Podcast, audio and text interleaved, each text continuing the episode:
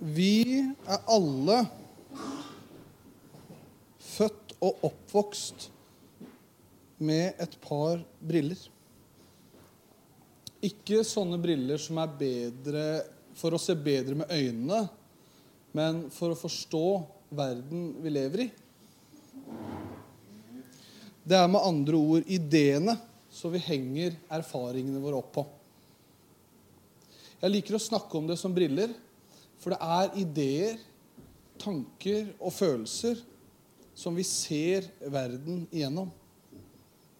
Og desto viktigere er det å forstå de brillene når de enten kan skade oss eller eh, hjelpe oss. Har du prøvd briller som ikke er dine før?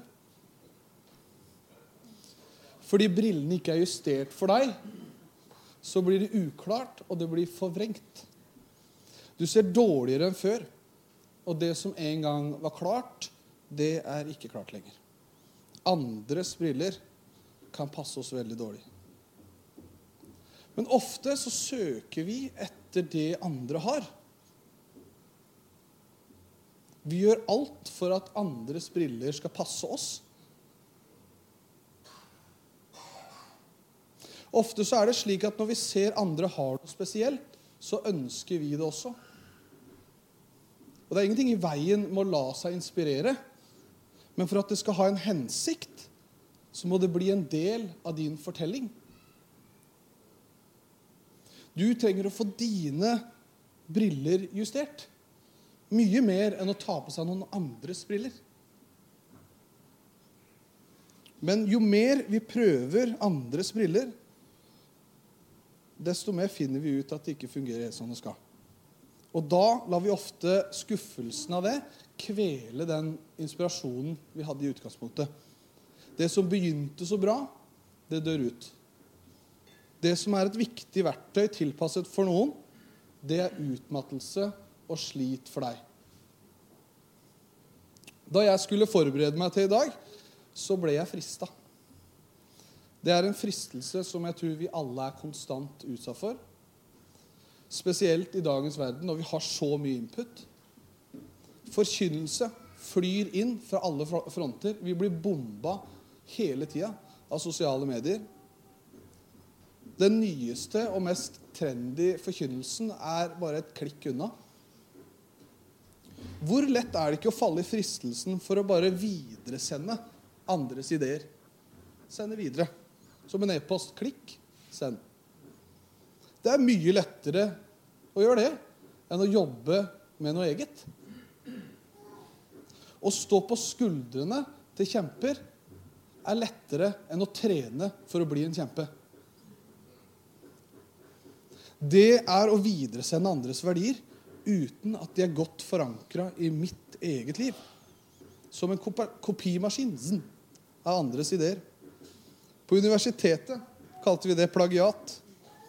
Man tar andres ideer uten å gi dem kreditt for det.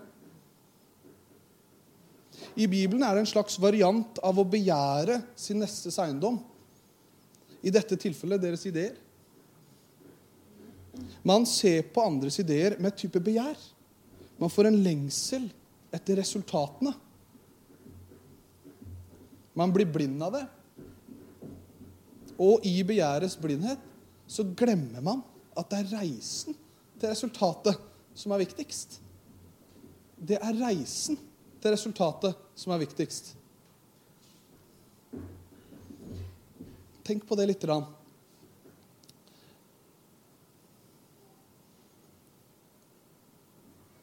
Gud er ikke imponert.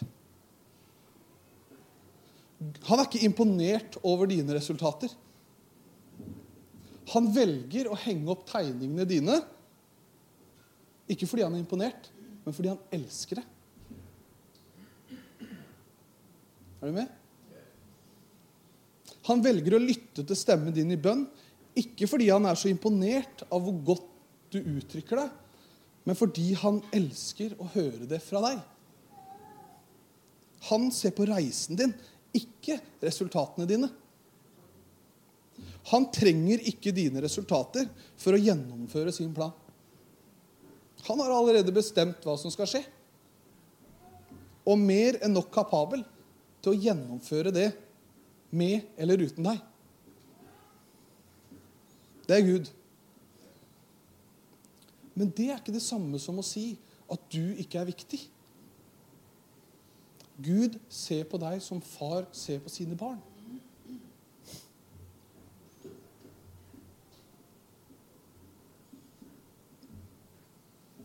Han elsker deg, uavhengig av hvor flink du er til å tegne. Han henger opp tegningene dine likevel. Det er Guds ubetinga kjærlighet for hvem du er, og ikke hva du gjør. Når man er på det som man kan kalle når man er det som man kan kalle for prosessorientert, så er det viktigste reisen til målet. Og når det tankeskiftet her, å gå fra det å tenke på resultater til å gå og tenke på det som er i prosess Når det får lov til å skje, så blir man autentisk i sin egen fortelling. Hva betyr det? Å være autentisk i sin egen fortelling. Det betyr at man lever i øyeblikket av den man er akkurat nå, og ikke mister seg i det idealet som man føler man bør være. Man lever i øyeblikket nå og ikke mister seg i idealet om hvem man tror man bør være. Da blir man autentisk i sin egen fortelling. Man er seg selv og ikke en påtatt versjon av, av, eh, av, fremtiden sin. Det er mye lettere å snakke om enn å leve ut. Jeg vet ikke hvor mange ganger jeg har blitt slukt av mitt eget ideal. Og ekstra vanskelig blir det når man leser Bibelen med resultatorienterte briller på. Det handler om resultater. Da høres det sånn som det her ut. Kom til meg, den som strever og bærer tunge byrder, så du kan vise frem dine resultater. Kom til meg, den som strever og bærer tunge byrder, så skal jeg gi dere ros for alt du har klart å få til. Kom til meg, den som strever og bærer tunge byrder, så skal jeg gi dere å bruke lang tid i bønn og faste for å bli åndelige kjemper. Nei, hva står egentlig? Vi kan si det sammen. Kom til meg, den som strever og bærer tunge byrder, så skal jeg gi deg hvile. Er du i Guds hvile akkurat nå? Eller er du i ditt e-, eget strev?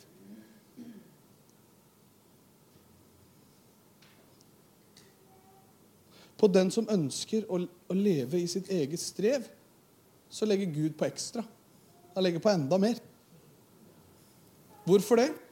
For at vi skal forstå at vi ikke klarer å leve dette uten hans kraft. Han vil bare legge på mer. For da, vet, da, vet, da opplever vi at vi må. Vi må overgi oss. For at vi skal øh, øh, Vi klarer ikke å leve ut det idealet som Bibelen setter opp for oss. Vi klarer ikke det. Umulig. Er vi enige i det? Det er helt umulig. Prøv å elske den som hater deg. Prøv å velsigne den som forfølger deg. Prøv å ikke kjenne et eneste snev av begjær for det andre har. Det er helt umulig. Du klarer ikke å leve ut Bibelen i alle sine krav.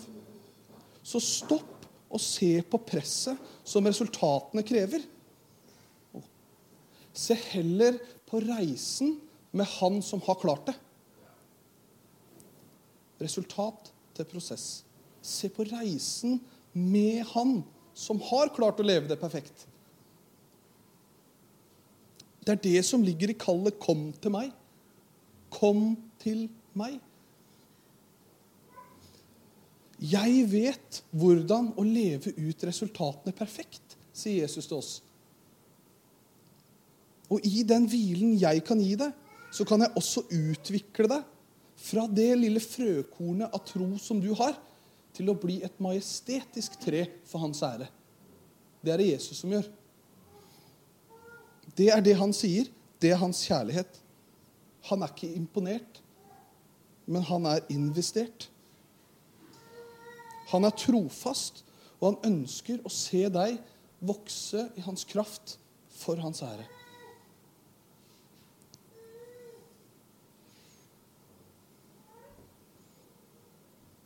Når vi blir mer opptatt av å leve i øyeblikket sammen med Gud, og mindre opptatt av å leve i fremtiden sammen med oss selv, da begynner ting å skje. Når vi blir mer opptatt å leve i øyeblikket sammen med Gud, og mindre opptatt av å leve i fremtiden sammen med oss selv, da begynner ting å skje. Man ser da at hvert øyeblikk teller. Og det er jo det vi vil. Vi vil jo at, vi, at livet skal bære preg av masse øyeblikker sammen med Jesus. Men hvordan kan vi forvente å ha sånne øyeblikk hvis vi ikke er til stede sjøl? I de øyeblikkene. Det er jo ikke rart da at bønn og faste og omvendelse det blir tunge ideer når vi ikke er til stede i hans nærvær for å få liv. Jesus sier det selv. Hvile. Det er fra hans hvile alt begynner. Man klarer ikke å elske uten at man har blitt elsket først. Det som er litt interessant, er at når vi ser Guds nåde på den måten der, at hans kjærlighet ikke er resultatorientert, men drevet av relasjon, da forvandles vi. Da tvinges det en forvandling. For om vi ikke behandler andre med den samme kjærligheten som vi har gitt, da er vi hyklere. Alle mann og kvinner.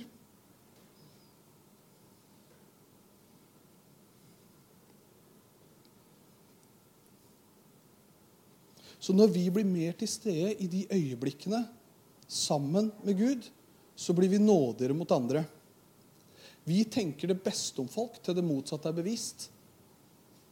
Vi søker å oppbygge ikke fra egenrådighet og frustrasjon, men fra et rent hjerte. Paulus skriver til Timoteus i 2. Timoteus kapittel 2, fra vers 24 til 26. Vi kan slå opp det hvis vi vil. Jeg har det ikke her. Jeg har det. Jeg kan bare lese det. Og en Herrens tjener skal ikke stride, men være mild mot alle. Hva vil det si å være mild? Og mot alle? Ikke bare noen, men alle. I en annen oversettelse så står det 'vennlig'. Jeg tror de to er to sider av samme sak. Og så står det videre 'og i ydmykhet irettesette'. Så en som ønsker å være Herrens tjener, han skal ha en tilnærming til andre i mildhet, i vennlighet og ydmykhet. Så står det helt til slutt For kanskje vil Gud en gang gi dem å vende om, så de lærer sannheten å kjenne. Det er Gud som gir å vende om. Og alt jeg kan gi, det er Gud en audiens gjennom meg. En, en talerør, på en måte. Og Bibelen sier at det gjøres med å være ydmyk og mild og vennlig. Når skal vi slutte å prøve å presse fram omvendelse? Det er noe Gud gir. Det er hans godhet som driver oss til omvendelse. Rombrevet. Alt vi kan gjøre i det, er å gi Gud en klar audiens gjennom oss. Så vi kommer tomme kar. Vi kommer med ingenting å vise til. Alt vi har, er et åpent hjerte. Og det vil Gud bruke. Han vil bruke deg. Men han vil elske deg først. Vær til stede når han banker på hjertedøra di. Se, han står for døren og banker. Om noen hører hans røst, lukk opp og han skal komme inn og holde måltid med oss. Vær til stede i ditt eget hjertehjem. Yeah. Jeg hadde lyst til å ta han opp, da. Ikke bli så fylt av andres ideer at du glemmer å lytte etter hans bank. Ikke bank så hardt etter hans velsignelse at du ikke hører hans røst. En ofte, stille, en ofte stille og mild røst. Det er vanskelig å være ydmyk når man skriker.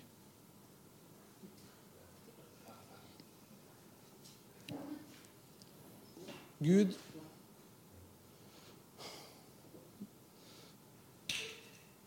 Vi trenger deg. Herre, jeg ber om at du kommer oss til unnsetning, Herre. Hjelp oss å blokke ut det her støyet som kommer fra våre egne tanker. Vi ber om at du hjelper oss å hvile i din hvile.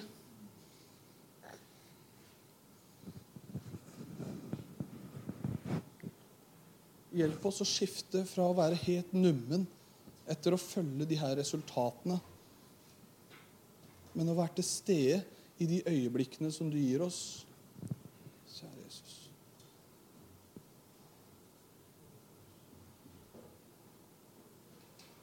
Vi er til stede, Herre.